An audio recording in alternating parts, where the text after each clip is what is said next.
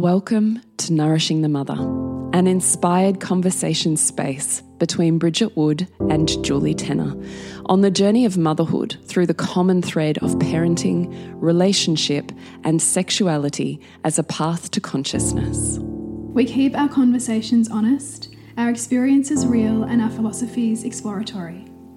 We believe that in order to raise incredible humans, we first have to raise ourselves. We know that in order to rock the family, you've got to nourish the mother. If you are here, you care about paving a path of conscious and intentional motherhood connected with yourself and your gifts, and also illuminating your children in theirs so we may raise more whole humans who can impact this world in a more humane way. If you desire to integrate your learnings practically and supportively, head on over to bridgetwood.life or julietenner.love to go deeper. And for all live streamed, pre release podcasts and all our free content, head over to our free Facebook group, Nourishing the Mother with Bridget Wood and Julie Tenner. We are Julie Tenner and Bridget Wood, and we are so grateful you're here. Hello and welcome to La- what? what are we? Who are we? say, oh, I'm like, that's not how you say nourishing. That's not that word. okay. It's so perfect, though. How perfect is that for this podcast? Yeah, totally. Nourishing? No, I vomited halfway through. oh my God, so true. Okay. Go again. Okay. Hello and welcome to Nourishing the Mother. I'm Bridget Wood. And I'm Julie Tenner. And today's podcast is When You're Scared, You Can't Get Off the Merry-Go-Round of Sick Kids.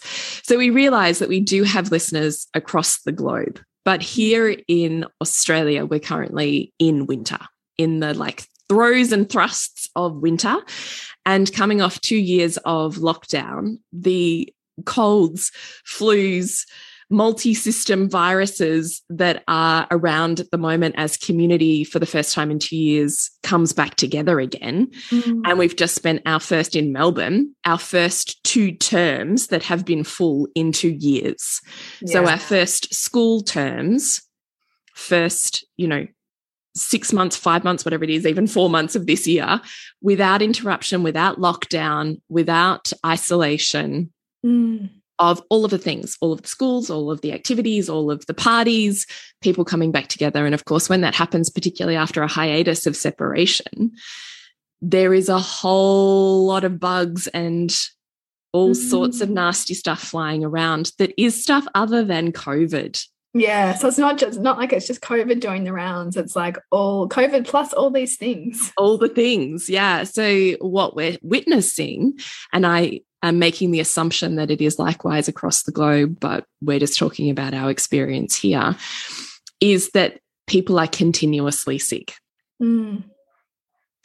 So we just want to have a conversation around that so that you don't feel, as Bridget has expressed, so isolated mm. and so alone in that experience.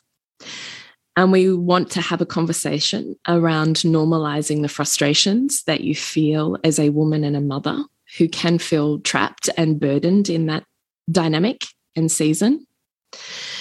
And we want to then at the end have a very gentle conversation around looking at the universal principles and stretching our awareness so we can love where we're at a little bit more. Yeah and find the benefits. But we really just want to do the mum friend thing first and be like, yeah, girl, I got you. Same here.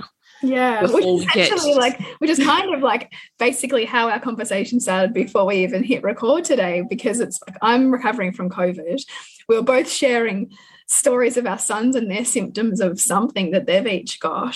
Mm. And it's mm. like, wow, like this is a whole thing right now that that we're navigating, you know, in a in a winter season perhaps that we haven't kind of had to deal with quite as much. I mean, certainly my kids are the most sick that I've ever seen them, really. Which is so fascinating, right? Because I mean, this is part of that nomadic lifestyle that we would have originally come from when communities, we were just separate communities in our own little community bubbles, and we never experienced sickness because we were not continuously mingling with a thousand different people and biomes and, you know, all of the things.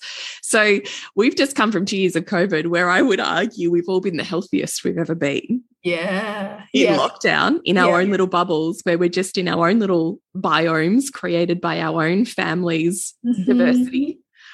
And now all of a sudden we've had to, we've been thrust into a wider community with everybody else's biomes. And all of a sudden our systems are really struggling to do that keep up. So it's a bit like, you know, how there's that season of toddlerhood where they're just sick and seem to have green snot pouring out of their nose almost continuously. Yeah. It's like, it's like that. everyone's doing that. Yeah. and it, we're having to make up for that lost resiliency, really. And it's it's a, it's going to be probably one or two winters. For the winters, it's almost like the winters that we pulled ourselves away from that exposure is how long it's going to take to get back that capacity to be with that level of diversity. Yeah, exactly. Yeah, exactly. So I think that it's a little bit of a double whammy, or certainly what I can see is it's a double whammy because we have just had two years of a really extraordinary circumstance that has impacted people's lives, mental health, and even physical health in ways that it never has before. Mm-hmm. And at the same time, there were pleasures there in, well, certainly for my family, we've never been healthier because we are a large family. There's mm. more exposure and there's more that can then comes home into the family environment. So the bigger the family, often the more sickness you encounter. Yes, because you've got more little people going out there and Right. these other new environments bringing it back. Right. Yeah. And the more you are social Mm. and the more your kids do things, right? The kid that has five extracurriculars is probably going to have a sicker family than the kid who has no extracurriculars. yeah, yeah. So I also just want to reframe here for everybody that this sickness is part of wellness. Yes, that's a really great point. Do you want to explain that, like how that actually is part of? Well, wellness? this has been one of my lifelong greatest learnings as a naturopath. Yeah. it's been a deeply humbling lesson over time, hasn't it? yeah, because I think, and look, I would say that the majority of our listeners, Bridget, have a high value on health, like Mm. you and I do. Yes. high value on parenting, high value on health. So, what can happen when we have a high value on health is that we stick into a, or we conform to another dogma, which is the natural health dogma that health and vitality are the pinnacle optimal experience of wellness mm-hmm. and well being. And that sickness means that I have dis ease in my body, that I'm not doing something, that something is missing or lacking or you know dysfunctional in some way mm-hmm. So that's a really hard place to be because we have wellness up on a pedestal and illness in a pit. Mm-hmm. And therefore how we view ourselves and others is polarized based on that right? Yeah. which means we're self-righteous when we're well and judge everyone who's sick. Mm. And then we judge ourselves just as harshly when we or our children are sick. Yeah. And look out at us and see the wellness people drinking their green smoothies and kicking it at their yoga class. And we keep elevating them higher and putting ourselves lower in comparison to I think we must have to do more or do more or do more and to somehow get to this godly place again. Yeah. And as a naturopath, this is back when I originally graduated and, and had my own clinic as a naturopath. If I was sick, I was so shameful about it that I would just cancel all of my patients for like family reasons or something. Mm. And now I look back and think, that is so messed up that I perceived and had picked up along the way in my training that I was unworthy as a health leader when I was unwell. Mm. That you are only worth listening to or looking up to or learning from. If I was the pinnacle. by if you were yeah. Yeah. And, you know, what I've really spent, well, it feels like a lifetime reconciling because I certainly, even now, have many, many, many flashbacks to when my dad was sick and traversing cancer. So, if you don't know that story, he got sick when I was 15 and he was a naturopath at the time. So, yogi, naturopath, we were already like a family living in that world. I already knew I wanted to do that. So we kind of bonded. That was our bonding place was health, wellness, food, yoga, you know, that thing.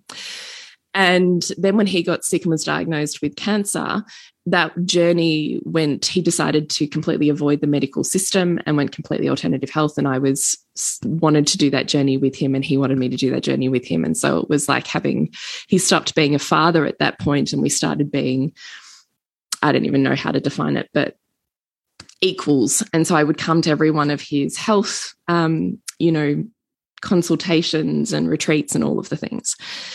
And I still have moments where I flash back to different, you know, I mean, memories are so wonderful, aren't they? As we think we've forgotten everything. And the truth is, our higher self, I don't even know how it works, just spontaneously brings a memory forward at the moment that we need it in our life. Mm. Right? Like, how wonderful is even that as a construct? Gosh. You never actually forget anything. You, you, we, we retain whatever we're retaining and thinking about has some purpose for us. Right. Otherwise, it would have gone into like long term memory or just would have been dis- gone, disappeared, like just gone. No, back it comes. So I have all of these memories of just even back then really understanding that the function of health is dis-ease as well. And what I mean by that is even as a naturopath and particularly within um, the cancer world actually not even actually some people with some serious heart conditions too. The people that had that really strong kind of constitution who like never got sick who had an iron gut you know versus the person who's hugely sensitive and sick all of the time and you know all of that. So those two different type of types of constitutions.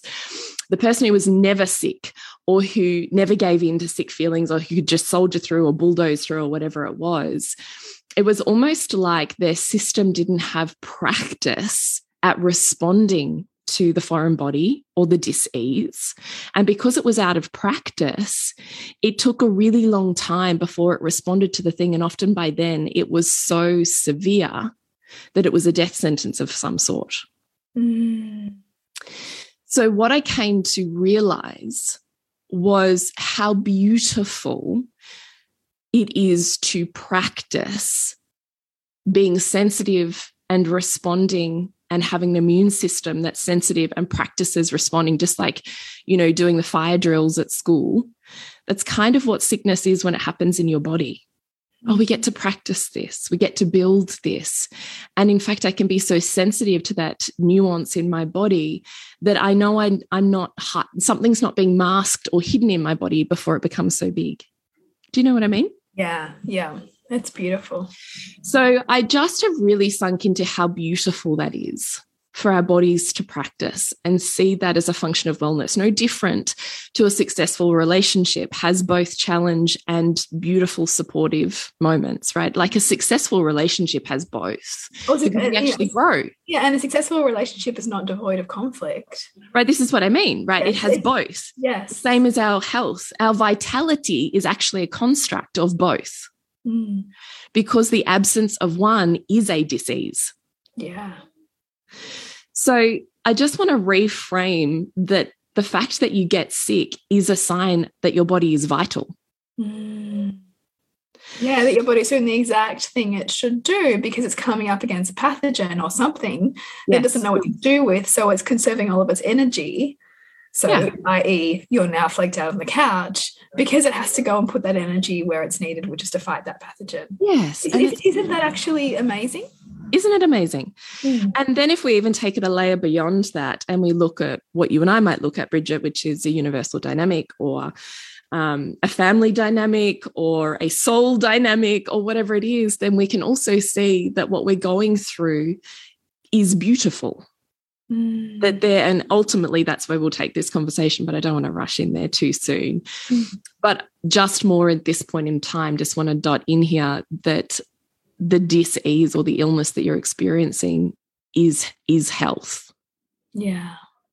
It's just such a beautiful reframe and i think for so many mothers who can sometimes fall into the trap of believing it's somehow their fault right? That they that their child got this cold or got sick or I didn't put enough layers on them or you know whatever you know I didn't give them enough healthy food like mm. pick your pick your poison that you're going to punish yourself with right that to actually look at you know what if there's something really positive here for them, for me, for us?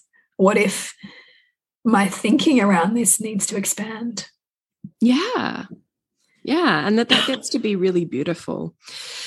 So let's just begin with we don't want you to feel so alone and feel so shamey. So I hope maybe we've talked about the shamey thing. Let's maybe move into the don't feel alone, homie. Yeah. Yeah. Because like my son had the last week off term of school pretty much. Most of our school holidays has probably been the most boring holidays. Like we've ever had because it's just been a rolling sickness. He got it, then my daughter got it, then my other daughter got it, then I got sick, and then my husband got sick.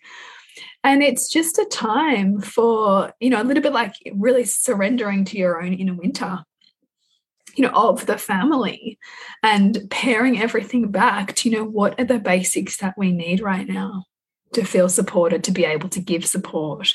Mm. Can we also accept that our values might get challenged because we're not going to be maybe the, the parent, the ideal parent we want to be? Because if you've got a splitting COVID headache, then you can't hear your child. You can't be in the same room as them, for example. And so you're going to need to reconcile that part of you that might beat yourself up about that, right? Mm. And still mm. see yourself as worthy and whole and lovable and just as perfect as you are over there when you you know i idealize your healthy self. Mm, totally. And also just want to hone in on what you said, which is I will say to you again, the larger your family, the more you're sick because it's no longer just, oh, you know, we got sick and we're back at school in a week. No, no, no. What happens in a large family is it just rolls week by week for one person. So, me as a family of six, probably going to have sickness in my house for six weeks because it's going to go from one child to the next, to the next, to the next, to me, to Nick. And I'll see you in six weeks. Yeah.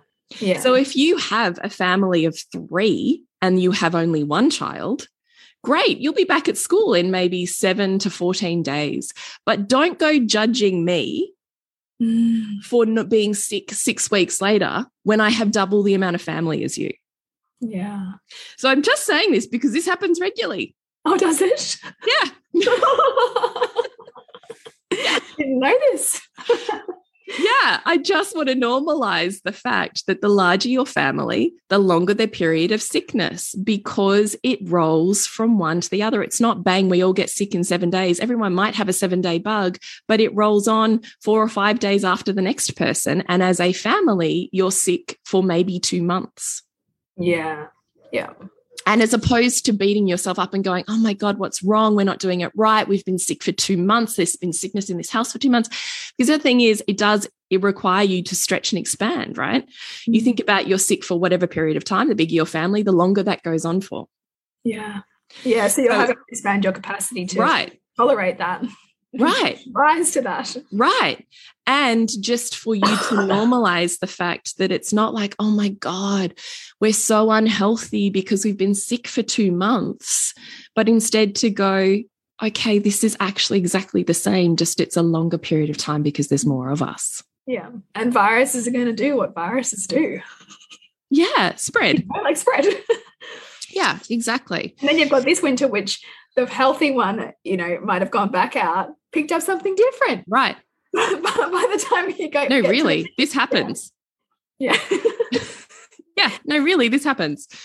So when we're talking about, I want you to feel less alone, is just let go of so much of the like, oh my God, we're so unhealthy. We're not as healthy as yeah. that person who does not have kids at school, does not have kids in sport, does not have kids at swimming lessons, does not have that many kids, is not out in the community. Like, or even yourself, right? Even yourself pre kids or yourself with one child. Uh, yeah. Uh, because sometimes we, we, we're the worst at beating ourselves up in comparison to our earlier selves. Yeah, it's well. true. Yeah, it's true. It's true.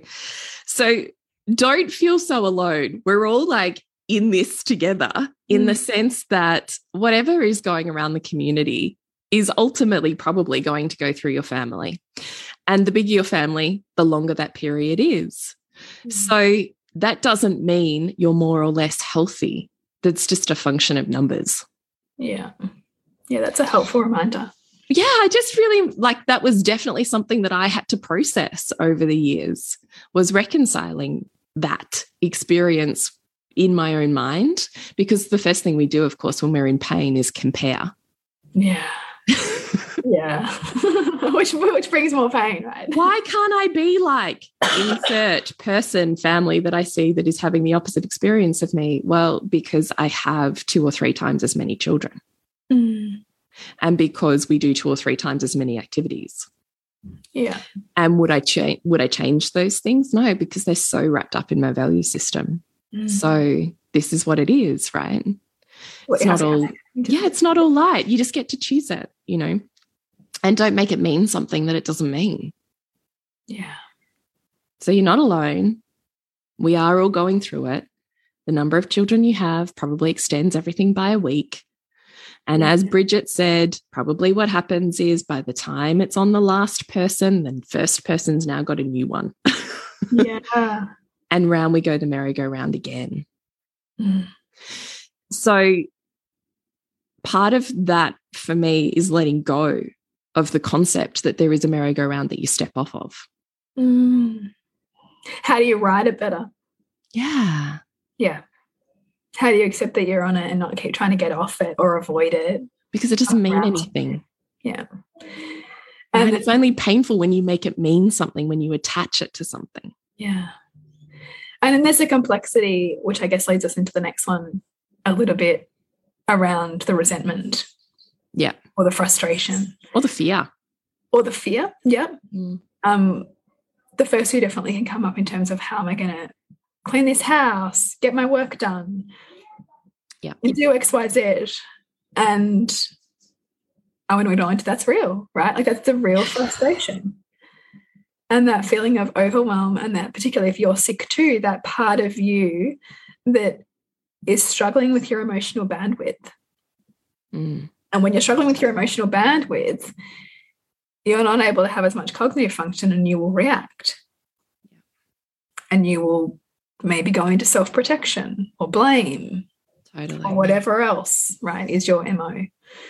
Yeah. And to just soften into that experience, first of all, and just accept that that's where you are. Right? Because if we're continually hating ourselves in that, then guess what we keep running into? More of that part of ourselves. So it's like, and I don't know about you, Jules, but it's like, okay, what are the what's the bare minimum? Mhm. What are the basic needs that need to be fulfilled here? Totally. 100%. what is what is the work that must get done and what can i shift Yeah. What does that And- mean for you? it's look for me it's really looking at i mean if i don't feel like i can really if i can reasonably service clients then i move clients um and i see that as permission giving too because i think sometimes there can be a lot of ego wrapped into well i just need to show up Yeah. Um, and same goes for if you're an employee and you're running all the stories about what's your boss going to say or what's your workplace going to say, and you make that bigger than Ben Hur. Same thing um, is to you know really own where you are and Mhm. claim where you are and claim where you're putting your service and your energy by acknowledging I don't have the bandwidth for this right now. Mm. Totally. And I think if you're in service and for much of the time committed to that service, then you certainly get chances to lean back when you need to. You know, when there are times when you when you can't simply can't service a client, for example, Mm. or you you know you're not going to be able to launch the thing that you thought you could when because you don't have either the childcare or the capacity, right? Yeah, totally. What would you say? Oh, I just really loved, I just, I, I just loved hearing you say that. I was like, yeah, totally, 100%. I loved your what are the basic needs because that's mm. totally the first question that I come back to, too, is just the recognition of like, I don't perceive like this whole the merry-go-round thing. I actually don't perceive that me as a large family actually ever gets off the merry-go-round because there's usually the way that it works in our household, at least. It's like they take it in turns. Yeah. So it doesn't matter actually, whether we're talking about physical sickness or we're talking about mental, emotional health and sickness, or yeah. we're talking about school and social health and sickness, or, you know, place in the world or place in their bodies or like, yeah, they, they're all the form's just going to come right. Yeah. So I don't actually, what I've come to realize is I don't actually ever get off the merry-go-round. Just hopefully and the way that it seems to work in a larger family, somehow in the universal dynamics, which I actually kiss the ground and grateful for, is that they just take it in turns. Yeah. It's pretty rare that it's everyone at the same time. Yeah. Usually, how it goes is there, there's years of focus in different children, is what I notice. There's mm-hmm. years of certain children where their needs and whatever they're traversing are greater than the needs of others within the family system. Yeah. Usually counterbalancing that in that same year is someone who doesn't need you at all. Mm. Right. I mean, this is the perfection of a family dynamic. Yeah. So I perceive there's years of higher need, and I can see that that actually cycles through my children as well, mm. as well as there are seasons, months, weeks, and days. Like mm. there's always a triage and there's always a dynamic. So, what I love to do is just kind of lean back a little bit and watch that dynamic and just be like, okay, it's your turn now. And sometimes I love to be able to turn up to my school mum friends and be like, fuck me. Last week it was Heath, now it's fucking Jade. yeah, and be frustrated with it, but just also like go. Of course, I love my children. Of like unquestionably. Of course, they're magnificent. And of course, they're my top value. And also, fuck this shit. Yeah. Yeah. I'm allowed to feel really pissed off with yeah. This. And like, come like on. Yeah. I'm allowed to feel like I need a break. Give me a break. you know. Yeah. I think that all of that is what builds capacity. Yes. As opposed to expecting myself to continuously meet with grace. Yeah. I actually really expect myself to have a beautiful daily balance mm. of grace and fuck this shit. Yeah. Well, isn't I mean, isn't that health too, right? Like exactly. But and it's it's how well I think a little bit like you know when we were talking about children developing their capacity for regulation that resilience is built. How often you move from regulation to dysregulation and back again, like our emotional capacity and flexibility comes from you know being able to go fuck this shit all right, what have I got to do? Like, you know, and yeah. like, just like you're allowed to have it. Like you're allowed to drop your bundle. And that's normal and human and healthy. And, you know, it's when we get into long episodes of that being one way, right? That, yes. Then, you know, we, we look at you know bigger problems there's something else going on there but health in and of itself is actually a fluid and flexible mix of that i love that yeah. and actually i see that as a function because as you were saying that i'm like i totally recognize that that happens that when i give myself the space to be like and fuck this shit and fuck this kid and their problems right now that after i do that dump all of a sudden there's this extra space within me that's created yeah. it's like a problem it's like that saying a problem shared is a problem halved yeah, it is. Yeah. Yeah. So I actually really mostly use my mum friends for mm. that. Yeah. And I love that we can offer each other grace and without judgment. Like none of those women that I would turn up to, like I could turn up to you and Bridget, you and I, like conscious parents, blah, blah, blah, blah, blah. Yeah, yeah. But I could turn up to you and go, oh my God, fuck Heath and his fever. yeah, yeah. I'm totally. sick of it. Can he just yeah. be well? And you'd you'd giggle like that and you'd be like, Totes, man. Yeah. Totally here. Yeah. yeah. And you wouldn't think less of me and you wouldn't judge me and you wouldn't be going, oh, what a shit parent. Or you could be doing all of these things better. Mm. None of those things are helpful. But instead, you're just like, yeah, I see the me in that. Yeah. I totally see the release of what this is, which is just like, can I just blow some steam so I can come back? And you're yeah. like, yeah, you go, you do that. Mm, yeah. That's health. Yeah it's not needing to be one way. Mm. So I don't, I can do that also because I give myself freedom to do that. Right here we are on a podcast and I'm doing it. Yeah. I don't expect that I am this Zen perfect mother on the podcast. No, and therefore can only be that out in the world. And then I'm have a bigger nightmare behind closed doors. Totally. And that's the one thing that you and I certainly for having podcasted for so long and have created communities and all of that is that there's such value in bringing all of yourself so that there's nothing to hide. There's nothing. There's, nothing no to hide. to This hide from. me. Yeah. I see you here. I see you down the street. I see you, you know, at the shopping center. It's the same. yeah. It's not different. And that is also what allows you the freedom to have capacity to Mm. stay on the merry-go-round. Because you're not like trying to stitch yourself up and fit yourself into this, you know, straight jacket of acceptance. And you're not like, yeah, I'm me when I'm off the merry-go-round. This isn't me. Mm. Yeah. Right. Yeah. Yeah. So, normally, what we do here is pop in and about what is happening in our worlds that you could join. But instead, what we really wanted to do is just send out a big stream of love from our hearts to yours and offer you just a little affirmation.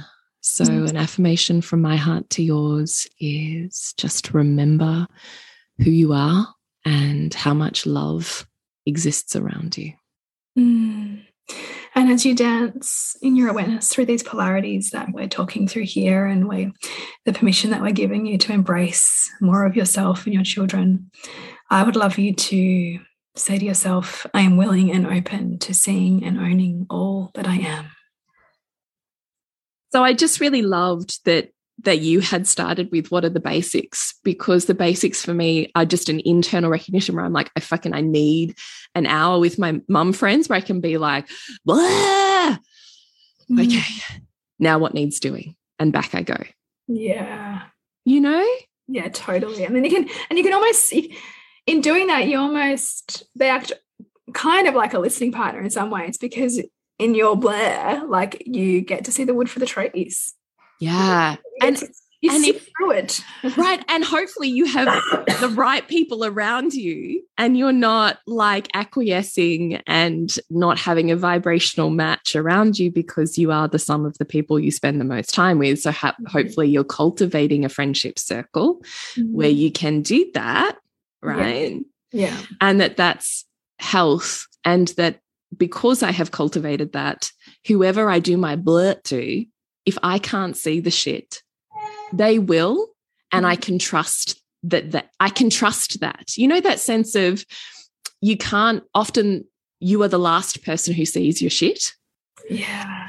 but when you have people around you who truly love you and who truly want your best you in the world Mm. then there's this part of you that lets go of your ego and trusts their reflection of you. So when they say you're out of integrity right now, you're like, yeah, fuck, I am.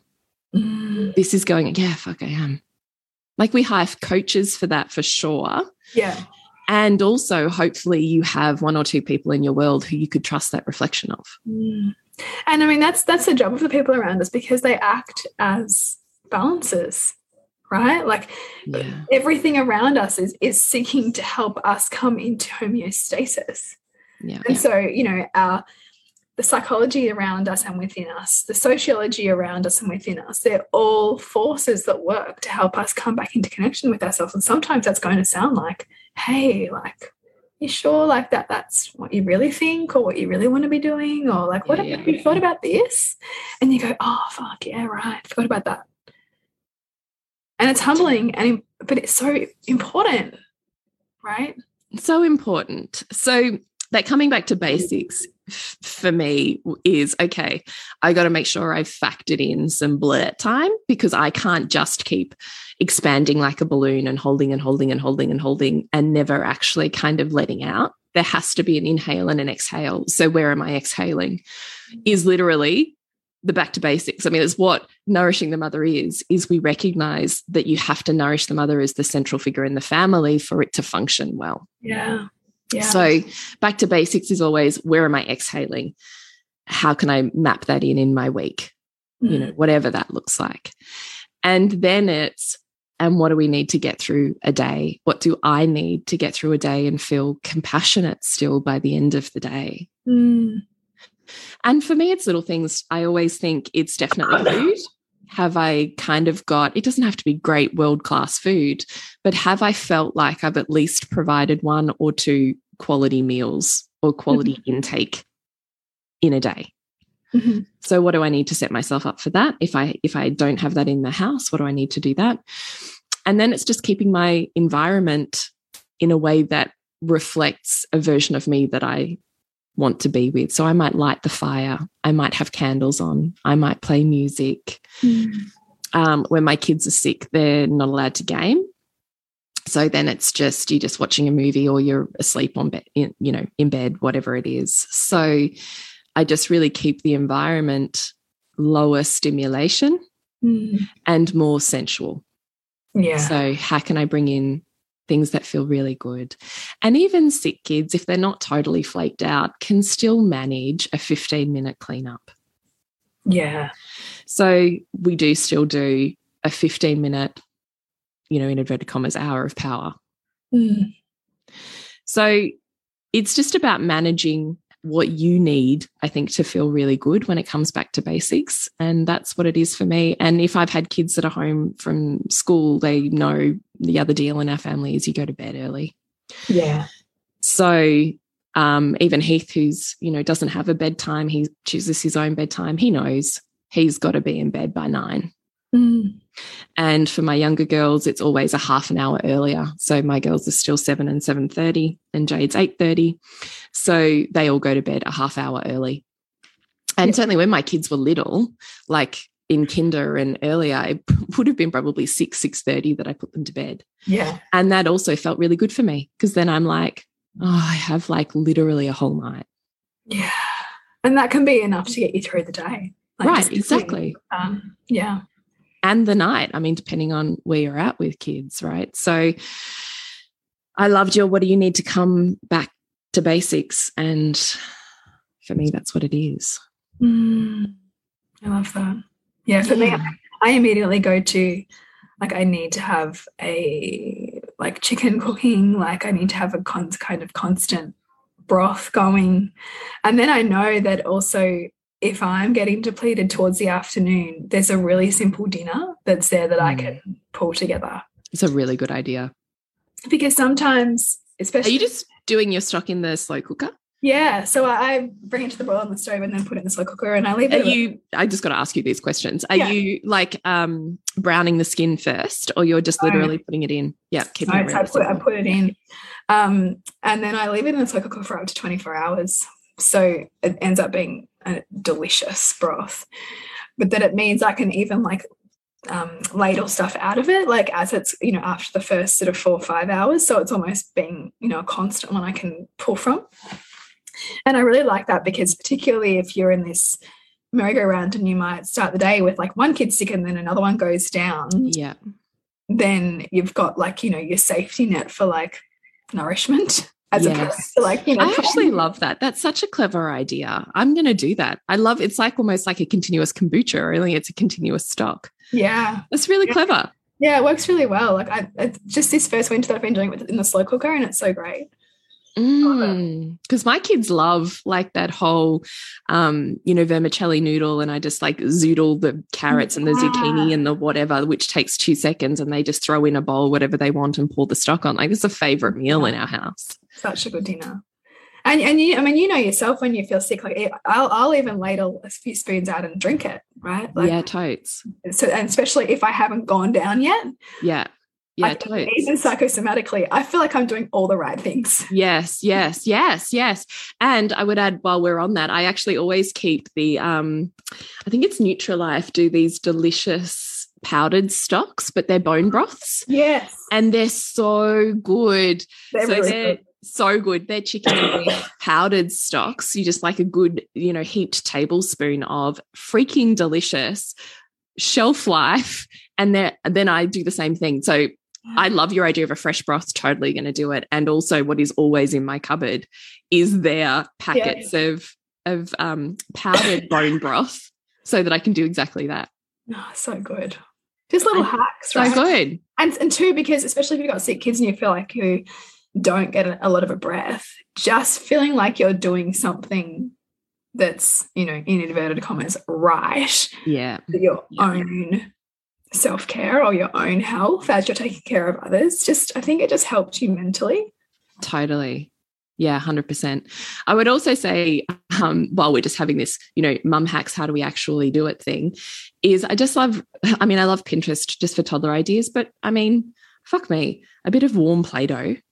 Oh, yes, warm Play Doh is the best. And then once it's not warm anymore, give them some glitter bottles, off it goes for another two hours. Pearl actually goes, I want it to be warm, you know, because she loves the warm Play-Doh. So yeah, but you can extend it, right? You start with warm. Yeah. Now we at when they're bored of that, just add in a new sensor. Here's, a, bottle, here's a couple of bottle of glitters and just let them open it themselves and do it themselves. Now you got glitter Play-Doh. When they're bored of that, how about some essential oils? Here yes. you go. Now make it smell nice.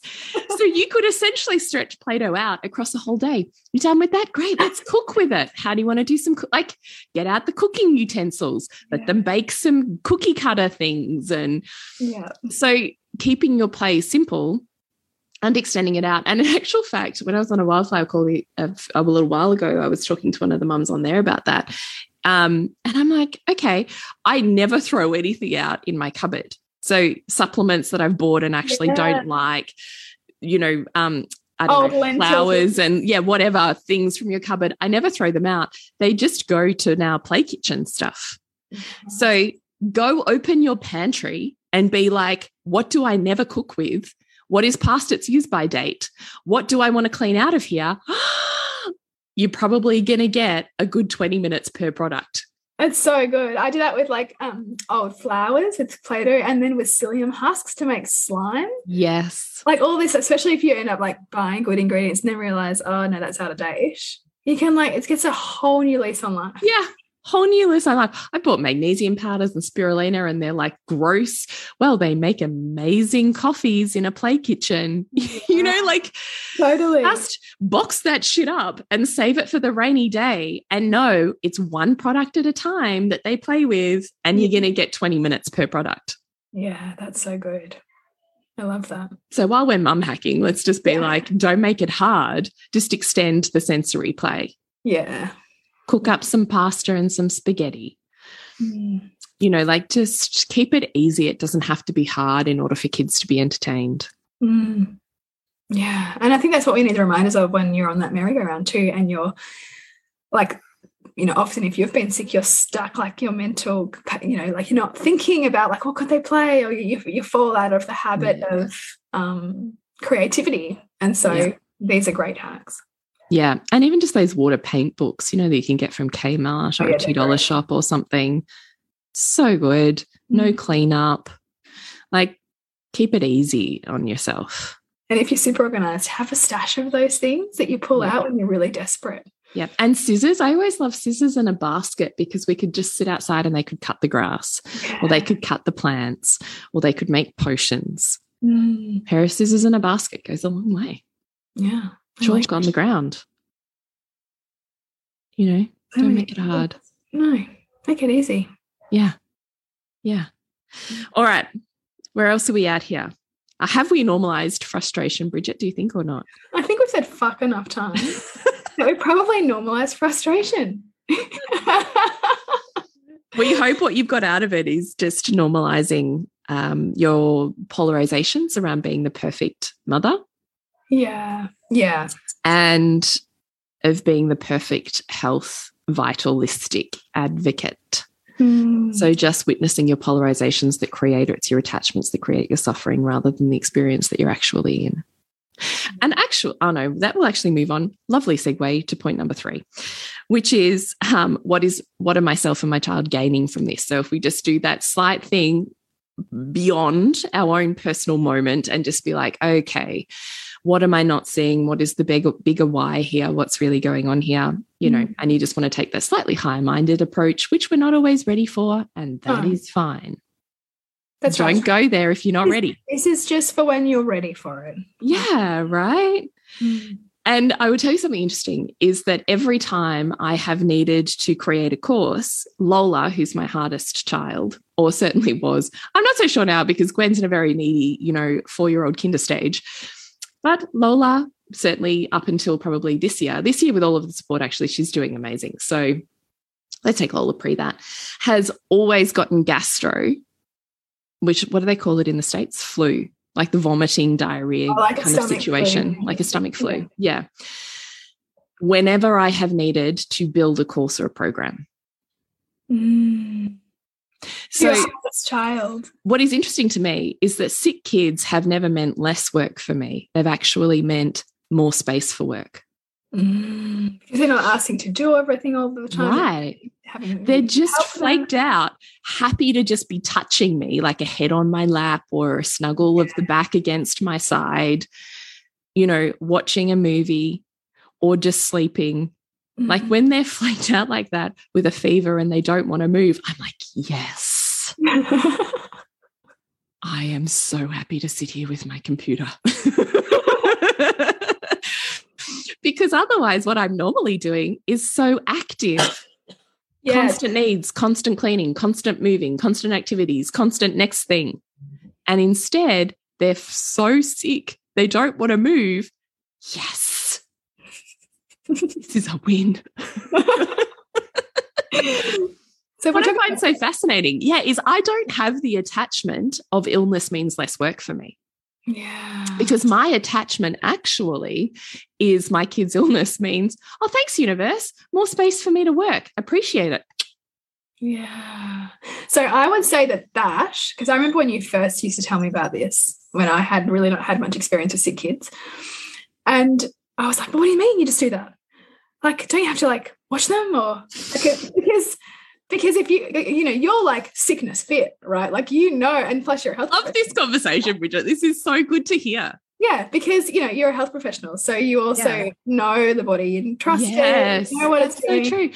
I remember these early conversations now where you were like, "Can you just teach me that comfort that you, or that security?" Yeah, and I think because my Yeah. mother's my mother my mother still has a health anxiety, so like she'll like even today she's like, "Oh, how's Hugo? Is he okay?" Like so that's my ah. blueprint, right? My mother Yeah. still feels terrible at leaving me at home when I was fourteen and I had chickenpox.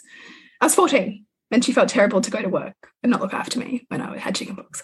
So that's my like that's a little edge of anxiety, right? So when you're anxious, you're not like chilled out doing your work. You're like, what's wrong with no, them? Should I like what symptom is this? What does this mean? Right? Like you're doing that. Yeah, totally. So it takes practice Mm. to learn your child, to learn what different symptoms mean, to see your child's, you know, typical signs and, you know, just how they roll with different things, to have a level of confidence that, yeah, whatever, I'm just sitting here and you're just like flaked out dead. I just love that you said that because you're totally right. It is sick fit because let's just begin with the start of my health education was death. yeah. so you know death well, right? I know death well. You know everything that doesn't look like death. Yeah. And I have been around death so much in my life. Mm. Like so, so, so, so much in my life. Like even pre dad getting sick. Uh weirdly around death a lot. Like even anyway, it doesn't matter. It's a story for another day.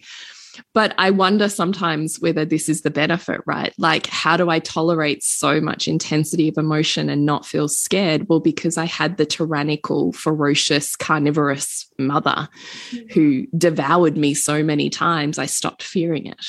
Mm. Well, same thing with sickness. I've been around death and the end of life so much Mm. that I know it, I see it, I feel it. So I know when it's vital. Yes. You know? So, you're seeing the vitality even in the, you know, Yeah. child who's barely moving. Yes. Getting Yes. Up, right. Yes. Yes. So I really love that you said that because quite right. Good reminder for me to self check that when I'm just like, no, they're fine. Yes, because I know how to read them that they're fine. And Yeah. I get that if you don't, that that would create anxiety. And that also that we know we still live in a very um, fever fearing mainstream culture. Like, you know, I, I don't give Panadol. I, I watch a fever. I trust. Yeah. Yeah, but yeah, that's that's not no, common, right? no, no. um, and that takes that takes practice and that takes you know understanding and, and like you know having health professionals around you who you can sense Learn from. with Mm. and learn from and Mm. that doesn't come with your first child and the first time they're sick it doesn't no, that. that's true. 100% true. So, you know, if that is you and you are that parent and you are anxious about the work and you are anxious at all the things that are not getting done, then, you know, that I see you. And, and I think too that that's where you want to look at, okay, who can I have in my corner mm. that, you know, that is, if it's not a family GP, is it a family osteo or a chiropractor or that someone just helps me feel like I've got some support? Yeah, yeah, yeah, yeah. Yeah. Because it can be scary when you're traversing these places that you haven't been before, or, you know, or you have people around you who second guess what you're doing or your choices. Yeah. And you then have to go, shit, like, you know, where am I really here? Is this okay? Who can I call on? And then you go, okay, I feel okay now. We can, I can relax because the anxiety can be really real. 100%. Yeah, totally. Totally. Mm. So I love that. I love that we can explore both of those, both of those um, polarities, right? Yeah, it is, isn't it? Yeah. And so if we're looking at, if we're then looking at, because I have had a few conversations actually in reimagining motherhood lately about, you know, with mothers being being worried about their kids getting sick and, you know, feeling anxious about them not wearing enough clothes or not sleeping enough and all of that kind of mm-hmm. stuff and mm -hmm. and feeling almost like bad if their kid gets sick and they miss out on things but I would also look at, you know, certainly, um, you know, Rudolf Steiner's approach and, you know, his his anthroposophy kind of anthroposophic medicine always viewed um, fevers as coming with things, right? Like that there's a developmental leap that you often see a young child take after they've had a fever, mm. and that these are not phases in a child's life when nothing's happening, actually under the surface, mm. enormous things are happening. And they are enabled to happen when the child slows down enough and when there is a conservation of resources and when there is a, you know, a really purposeful cellular death for some cells, right? And, you know, a birth for, for others. And, you know, that there's something that we can't see, but that is happening and that that may well be what that child needs developmentally, right? You know, like the child who comes out of a sickness and starts walking or has all these new words. Like, what if we could trust there's something in them that mm. is that is growing here? Even with my son, like when he had the the four days off school, and like, you know, I'm still running my other two around and mm. and he was okay, right? So I'm like, okay, but uh, this is kind of not what I was planning, but you're gonna be okay at home on your own, right? Because he's at the mm. age now, he's mm. nine, mm. and we ha I haven't really left him at home because he hasn't wanted to be home alone. Mm. But he's now at the point where he doesn't care because he's so sick, and I'm like, I can't really take you because it's not best for you to come out or to go here. And so he is like now super fine with being left home alone. And that mm. was an initiation period that he went through when he was sick that he wouldn't have had to experience over and over and over again in such a short amount of time, but that he did, and that he now has a resilience and a capability and a willingness to do. So mm. there's the growth. I love it. And so I just I didn't know that about Steiner. Um, you said Steiner, didn't you? Yeah. Yeah. That's so beautiful.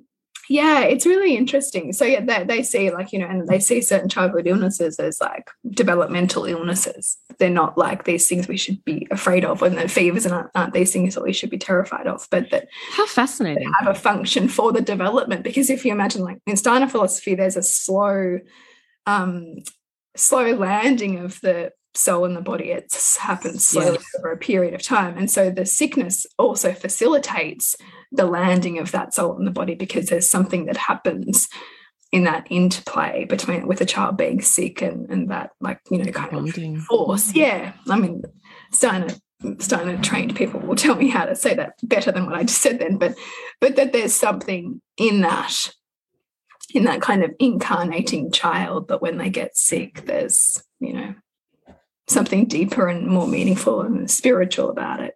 Just so fascinating. I love it. Yeah. How interesting just to ponder. Yeah. And to the and to then look at like, you know, as you and I do when we're like coaching and look, working through our own stuff or with each other, is that question of, you know, why this and why now? So why this sickness with this child and why right now as well? Mm, mm, mm. you know, is there is there some anxiety? Is there some, you know, other things that they're not like, you know, quite ready to grow into right now and that this shields them from, you know, what, what other, other things could be happening? what you are know, the benefits? What are we gaining? What how are we benefiting mm -hmm. both for my child and for myself is just an excellent line of questioning to just go yeah. beyond a little bit and look at this as something that's on the way, not in the way mm. which often just allows us to relax into it a little bit more, doesn't it?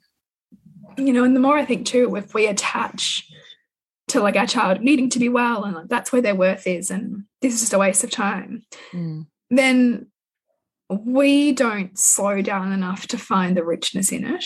Mm. And we get afraid of it happening again, which often breeds it then again. Mm. And our child doesn't from our modeling doesn't necessarily see the value either mm. of the slowing down, the letting the body do what it needs to do. Mm. Right.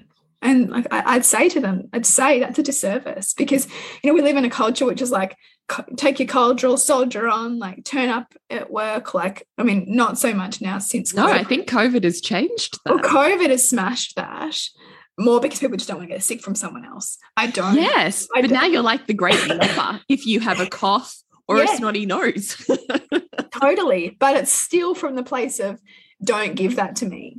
Mm. It's not from the slow down, trust the body to move That's through sickness kind of angle.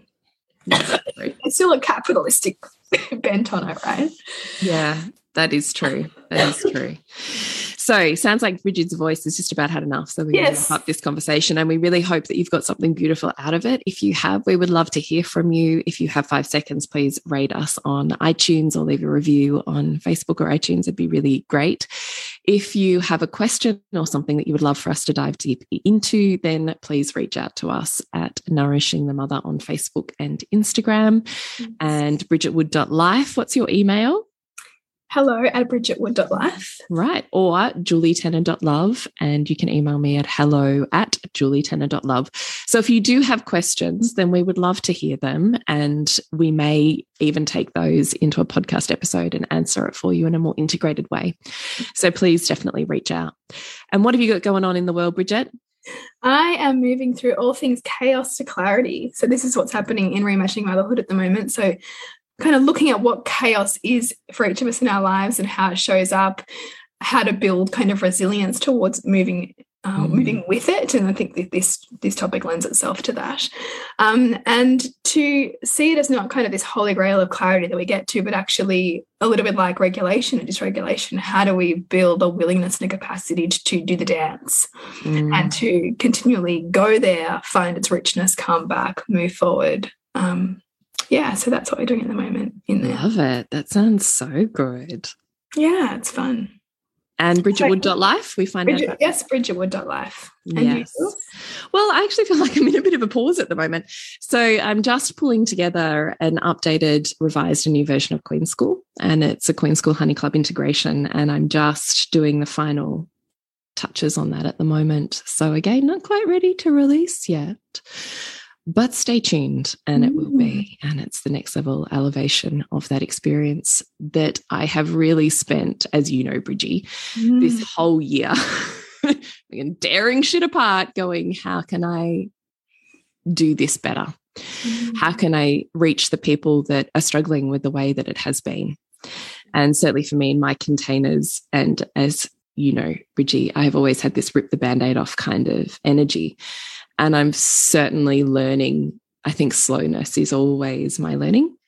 Mm. And this year, I've really been looking at how do I slow it down so that the changes that I create for people or that I offer the opening or the doorway that they swing open for the change in their life is a better way of saying that can reach people with neurodiversity, can reach mothers who are stretched, give you a variety of options for how you learn and integrate best, don't have to be just on Facebook. So, all of these ways that I could see were struggle points for people that I'd worked with, I've been spending all year kind of pulling it apart and asking, how can I help you better?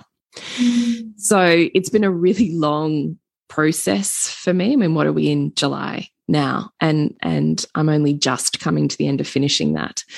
So I am really excited to change the format and the way that that I work with women in those changes and certainly couples too. And I'm really excited to be able to reach people who have always felt more marginalized in spaces of learning. So, people with mm. neurodiversity, and certainly as I've moved through that process with my own child and you know you see things you've never seen before and you learn things you've never known before and mm.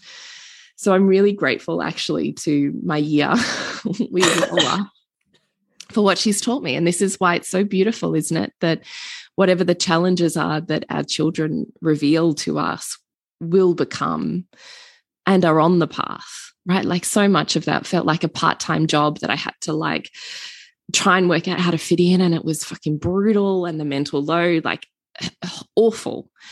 And yet through all of that now i can see this golden thread that was always trying to teach me. It just taught me through my highest value. Mm. do you know what i mean? So beautiful isn't it?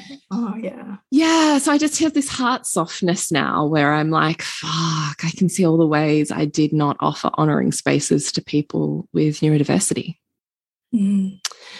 And that's certainly something that that I want to change because people like my Lola are equally as worthy for the changes that any of us are. Yeah. They just need slightly different different conditions, and that's equity over equality. And I totally want to do that. Mm.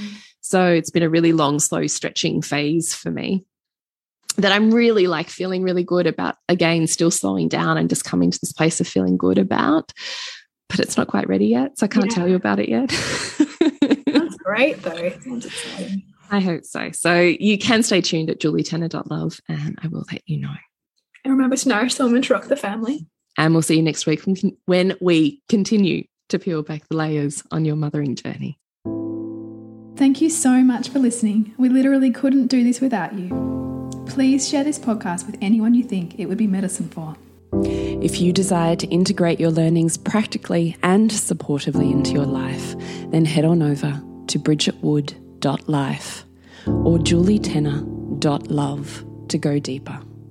And if you feel like giving back a little to this free content, please rate us on iTunes or Facebook, all of which helps the podcast reach more mamas who need this type of tonic for the soul.